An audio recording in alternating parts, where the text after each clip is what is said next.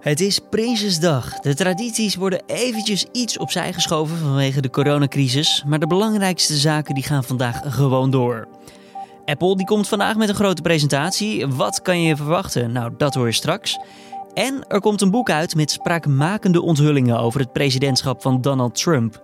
Het boek Rage geeft je aan de hand van Trump zijn eigen woorden meer inzicht over onderwerpen zoals het coronavirus in de VS en hoe de relatie was tussen Trump en Kim Jong-un van Noord-Korea.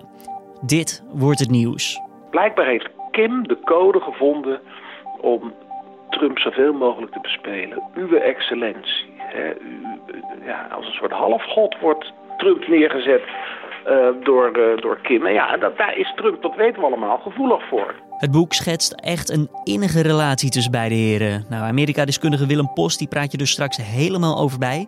Eerst kort het belangrijkste nieuws van nu. Mijn naam is Julian Dom en het is vandaag dinsdag 15 september. President Trump heeft een noodtoestand uitgeroepen in de Amerikaanse staten Louisiana en Mississippi. Dat vanwege de komst van orkaan Sally. De orkaan nam gisteren al snel in kracht toe en brengt windvlagen tot 155 km per uur en hevige regenval met zich mee. Het langzame tempo waarop de orkaan zich verplaatst zorgt ervoor dat het lastig voorspellen is hoe laat Sally precies aan land komt. Uit voorzorg zijn inwoners van laagliggende gebieden in de staten opgeroepen te evacueren. Paul Rusesabagina, de voormalige hotelmanager op wiens daden de Hollywoodfilm Hotel Rwanda is gebaseerd, is in Rwanda officieel aangeklaagd voor terrorisme en andere misdaden.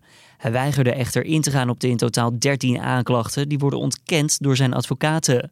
Rusesabagina bekleedt momenteel een belangrijke positie in de Rwandanese beweging voor democratische verandering. Deze beweging, die vooral vanuit het buitenland wordt aangestuurd, heeft ook gewapende groeperingen voortgebracht, zoals het National Liberation Front. Het Britse parlement heeft maandagavond tijdens een stemronde met een meerderheid gestemd voor de omstreden Brexit-wet van premier Boris Johnson. De stemming betekent echter niet dat het voorstel wordt verankerd in de wet, maar het maakt wel de weg vrij voor verdere discussies over het voorstel en het uitwerken van de details ervan. Met het voorstel kunnen onderdelen van het Brexit-terugtredingsakkoord onderuit worden gehaald.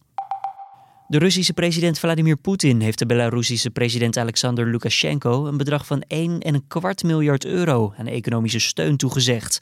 Ook staat de Russische leider achter Lukashenko's plannen om de grondwet van Belarus te veranderen, zodat Lukashenko langer aan de macht kan blijven.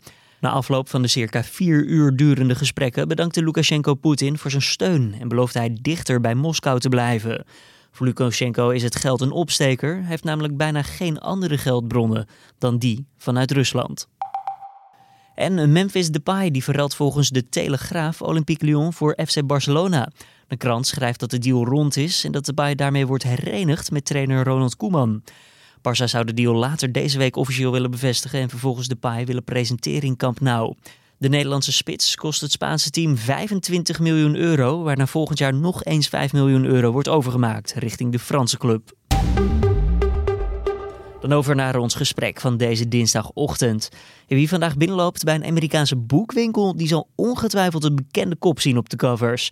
Er ligt namelijk weer een boek over Donald Trump in de schappen. Ja, wat maakt dit boek nou anders dan al die andere waar we ook vaak over hebben geschreven en gesproken hier bij nu.nl? Nou, Rage, zoals het heet, is geschreven door Bob Woodward, die begin jaren 70 het Watergate-schandaal onthulde. Woodward sprak maar liefst 18 keer direct met Trump voor dit boek. Destijds zag Trump het idee wel zitten, een boek over zijn presidentschap, maar nu is het volgens hem meer een politieke aanslag. Ja, er zijn veel passages die flink wat stof doen opwaaien en collega Carne van der Brink ging erover in gesprek met Amerika-deskundige Willem Post. En om het even actueel te houden, beginnen ze bij de ophef die is ontstaan over de aanpak van het coronavirus. Ja, eind januari uh, heeft Trump gehoord uh, van zijn uh, veiligheidsstaf dat dit coronavirus, wat nu in China ontdekt was, en een paar eerste gevallen in Amerika, ja, dat dat misschien nog wel erger wordt dan de Spaanse griep 100 jaar geleden. Dat dit bepalend zal zijn voor zijn presidentschap en en Trump heeft op 7 februari ook tegen Woodward gezegd, uh, een van zijn eerste gesprekken, van nou, luister eens Bob, uh, dit, is een, uh, dit is deadly stuff, dit is dodelijk. En weet je Bob, bij een griep ja, dan kan het ook wel komen om, dat zo'n virus omdat je iets aanraakt. Maar dit, dit adem je in. Nou, daar kun je niks tegen doen. It goes through air, Bob. That's always tougher than the touch. You know, the touch you don't have to touch things, right? But the air, you just breathe the air. That's how it's uh, passed. Uh, it's also more deadly than your, you know, your even your strenuous flus. This is deadly stuff. Dus Trump was bezorgd ten opzichte van Woodward, maar heeft de weken, maanden daarna ja, hoe je het went of keert, uh, de zaak natuurlijk nogal gebagatelliseerd. Ja. ja. nou ja, het is eigenlijk gewoon een griep en, en ook die maskertjes zijn helemaal niet nodig. En nou, dat gaat vanzelf wel weg. Want in maart spraken ze elkaar weer, ook over het coronavirus.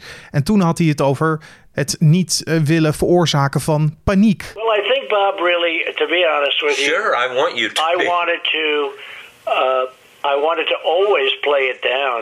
I still like playing it down. Yes, sir. Because I don't want to create a panic. Ja, dat is ook wel een van de grote punten van dit boek. Hè? En, en ook de hele nasleep. Uh, dat is natuurlijk groot nieuws uh, in Amerika. Uh, kijk, Trump heeft gezegd... Er zit natuurlijk wel iets in. Ja, je moet geen paniek veroorzaken. Als ik gezegd had, zegt hij tegen Bob Woodward... Als ik gezegd had, had wat er werkelijk aan de hand was ja, dan waren mensen natuurlijk misschien zelfs van een opstand, opstand gekomen. De hele economie zou in elkaar donderen.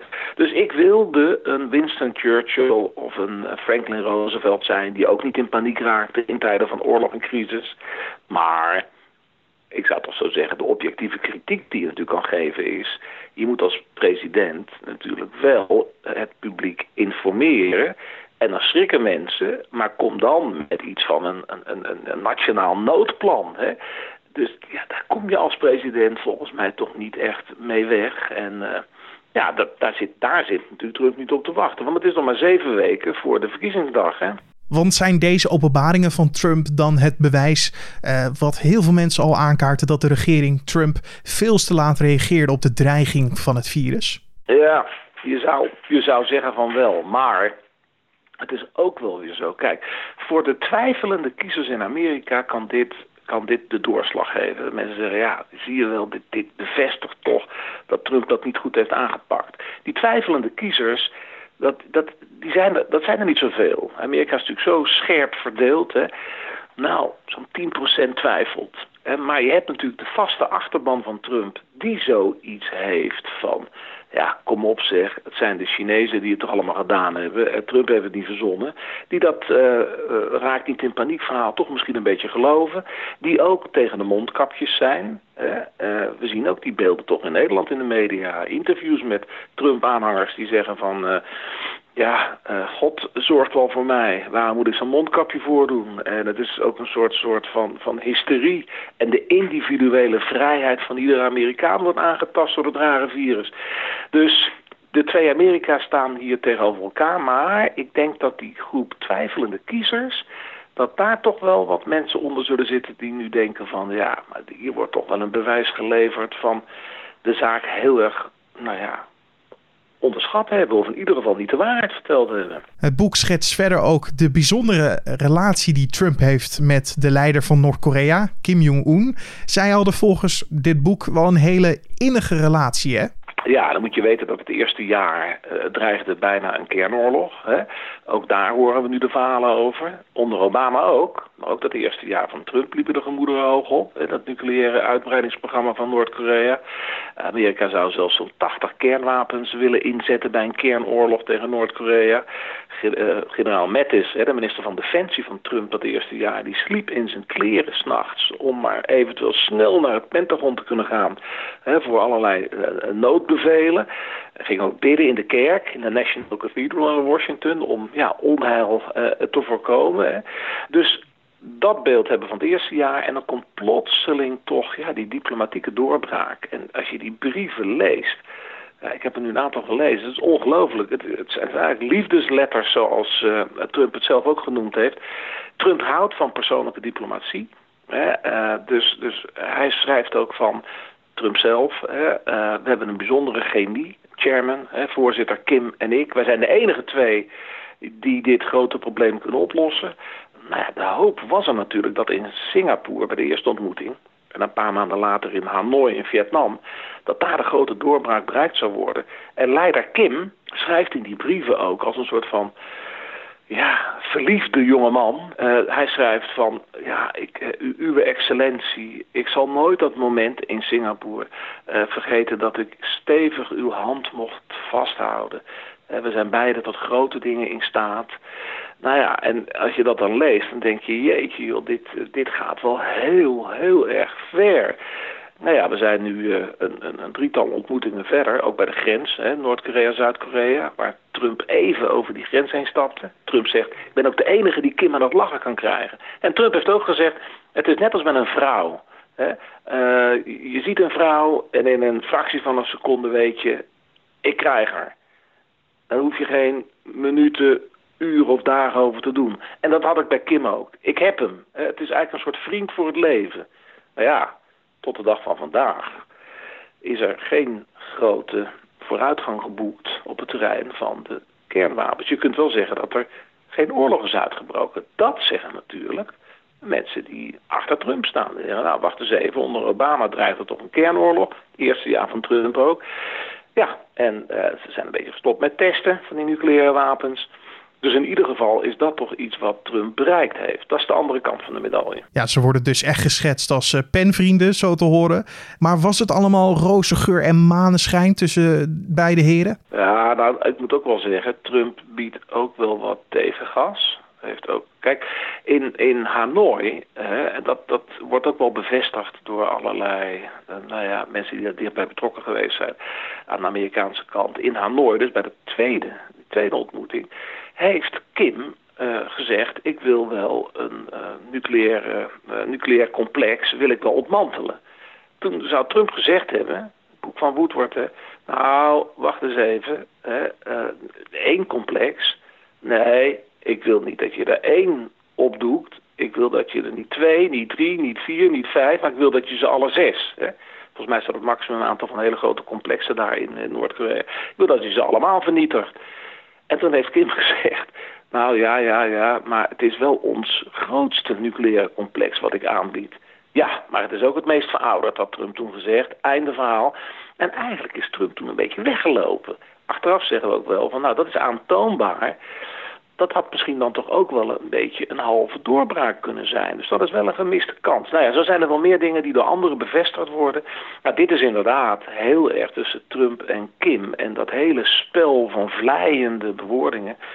Ja, eh, daar, zit, daar moet je ook wel een beetje doorheen kijken. Hè. Eh, blijkbaar heeft Kim de code gevonden om Trump zoveel mogelijk te bespelen. Uw excellentie. Hè, ja, als een soort halfgod wordt Trump neergezet uh, door, uh, door Kim. En ja, dat, daar is Trump, dat weten we allemaal, gevoelig voor. Maar Willem, er zijn natuurlijk al een tal van boeken over Trump geschreven. Zijn ex-veiligheidsadviseur, zijn nichtje en tal van journalisten zoals een Michael Wolff pakten allemaal de pen om uh, Trump te vangen in een boek. Kan rage, woede dus in datzelfde rijtje terechtkomen of is dit toch echt wel iets anders? Ja, dit is anders. Want weet je, kijk, bij al die andere boeken kan Trump zeggen... ja, dat nichtje van me, ja, dat was altijd dan een beetje een, een, een raar familielid. En, en uh, dat boek van John Bolton, ja, dat, is ook een waardeloze vent. Die had ik nooit moeten benoemen. Hè. Uh, dat, zo kan hij het allemaal neerzetten. Maar nu hebben we de stem van Donald Trump zelf. En we hebben de brieven van Kim aan Trump en ook een paar van Trump aan Kim. Dus ja, bedoel, dat is wel echt een, uh, een bron. Dus ik zou zeggen dat dit boek uh, absoluut anders is dan alle andere boeken. Ja, en uh, kijk, ik moet wel zeggen dat, dat zijn aanhangers natuurlijk wel iets hebben van dat beeld van Trump van een onverschrokken cowboy die gewoon overal maling aan heeft, die gewoon met je praat, zelfs met Kim alsof je in de saloon zit met een biertje erbij. Hè. Dat is wel iets waar ja, toch nog wel aardig wat Amerikanen gevoelig voor zijn. Maar ja, daar staan natuurlijk de Biden-aanhangers tegenover. En die zullen zeggen, ja, dit is het ultieme bewijs dat we een president hebben. Zoals Woodward ook in de laatste pagina's van zijn boek concludeert. Ja, die niet geschikt is voor het ambt van president van Amerika. Dit is een entertainer, zakenman, eh, maar geen president. Nou, kan het ook een flinke deuk betekenen voor zijn uh, herverkiezingscampagne? Ja, nou, zeven weken te gaan, dat is een eeuwigheid. Het is alleen wel zo, Bob Woodward gaat op tournee, gaat natuurlijk zijn boek overal promoten. Dus geeft het ene interview na het andere. Dus, dus dit appt nog wel eventjes één, twee weken na. Al scheelt het maar iets. het wordt toch een hele spannende strijd op 3 november. Die twee Amerika's komen heel dicht bij elkaar. Ja, dan zit je niet te wachten op zo'n boek. Dat geloof ik nooit. Amerika-deskundige Willem Post in gesprek met collega Carne van de Brink daar. De Engelstalige versie van Bob Woodward's boek Rage is dus vanaf vandaag te koop. En voor de Nederlandse vertaling moeten we nog eventjes wachten tot 1 oktober. Dan de nieuwsagenda verder voor deze dinsdag. Nou, Prinsjesdag is het dus, zoals gezegd. Dit jaar zonder optocht met de Gouden Koests en geen troonrede vanuit de Ridderzaal. Vanwege de coronamaatregelen ziet Prinsjesdag er echt eventjes iets anders uit. Veel zal zich afspelen in de Grote Kerk in Den Haag. Daar kunnen de aanwezigen namelijk genoeg afstand tot elkaar houden. En vanavond volgt een speciale aflevering van de Dit Wordt Het Nieuws podcast... waarin collega Carné met politiek verslaggevers Edo van der Goot en Avinash Biki terugblikt op deze dag... Mocht je nou vragen voor hen hebben, dan kun je die vandaag nog eventjes insturen via podcast.nu.nl. Maakt niet uit waar ze over gaan, althans, ja, blijf een beetje rondom Prinsjesdag zou ik zeggen. Maar zij zullen het dan proberen mee te nemen in die special vanavond. Vervolgens krijgen we dan woensdag en donderdag traditioneel de algemene politieke beschouwingen. En ook daar zullen we voldoende aandacht aan besteden hier in de podcast en natuurlijk op nu.nl en in de app. Vanavond houdt Apple een grote digitale presentatie. Volgens geruchten is er vooral aandacht voor nieuwe iPads en een nieuwe Apple Watch. Een nieuwe iPhone zou nog zeker een maandje op zich laten wachten, maar zoals het altijd gaat met geruchten, niets is zeker tot het bedrijf het zelf bekend maakt. Nou, dat gebeurt dus vanavond en vanaf 7 uur Nederlandse tijd kan je dat ook volgen via het YouTube-kanaal van de techgigant. En de 16e etappe in de Tour die wordt vandaag gereden. Vanuit Frankrijk hoor je verslaggever Daan de Ridder alvast eventjes met een vooruitblik over wat we mogen verwachten. Nou ja, de, het gaat eigenlijk met name al een beetje over die etappe van woensdag. Nou zullen wij het daar uh, dinsdag pas over hebben. Maar die, ja, dat, is, dat, dat belooft met name door een, een slotklim, een nieuwe slotklim. Die echt ontzettend uh, zwaar is. Belooft dat echt, uh, nou ja, misschien wel de zwaarste strijd van deze Tour te worden. Uh, dinsdag is ook gewoon al een hele zware rit hoor. Alleen het zegt misschien meer over die ritten daarna dat het eigenlijk de, de minst zware van de drie Alpe-etappes is die we nu krijgen. Alleen uh, alsnog uh, vijf gecategoriseerde klimmen, nooit vlak. op 20 kilometer van de finish ligt de top van een call van de eerste categorie. Die, die is toch gewoon 11 kilometer, daar kun je natuurlijk ook al op aanvallen. En daarna blijft het een beetje afdalen en dan, en dan wordt er nog 2,2 kilometer geklommen naar de finish.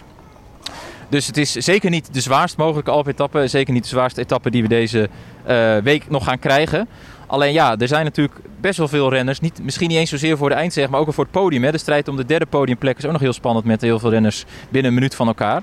En ja, een aantal zullen toch tijd moeten terugpakken. En nu kunnen ze niet meer zeggen, we moeten wachten op de slotweek, want daar zijn we nu. Dus je zou verwachten dat er, uh, dat er toch wel aangevallen gaat worden. Echt al uh, wat eerder dan we misschien gezien hebben in de eerste twee toerweken. Dankjewel, Daan. Dan het weerbericht. Temperaturen die lopen vandaag wederom flink op. De zon zal goed te zien en te voelen zijn. Met weinig wind wordt het zo'n 26 tot 28 graden in het noorden, tot plaatselijk zelfs 34 graden in het zuiden van het land. En daarmee kan tegelijkertijd ook de warmste Prinsjesdag in de geschiedenis worden geschreven. Dat huidige record stamt namelijk uit 1961, toen op de derde dinsdag van september een temperatuur van 28,7 graden werd gemeten. Nou, vandaag gaan we daar dus mogelijk overheen. En dit was dan de Dit wordt het nieuws podcast van deze dinsdagochtend 15 september. Zoals gezegd, vragen voor Prinsjesdag stuur het naar podcast@nu.nl en verder zijn tips en feedback daar natuurlijk ook altijd welkom. Ik wens je voor nu een hele fijne dinsdag. Mijn naam is Julian Dom en tot de volgende weer.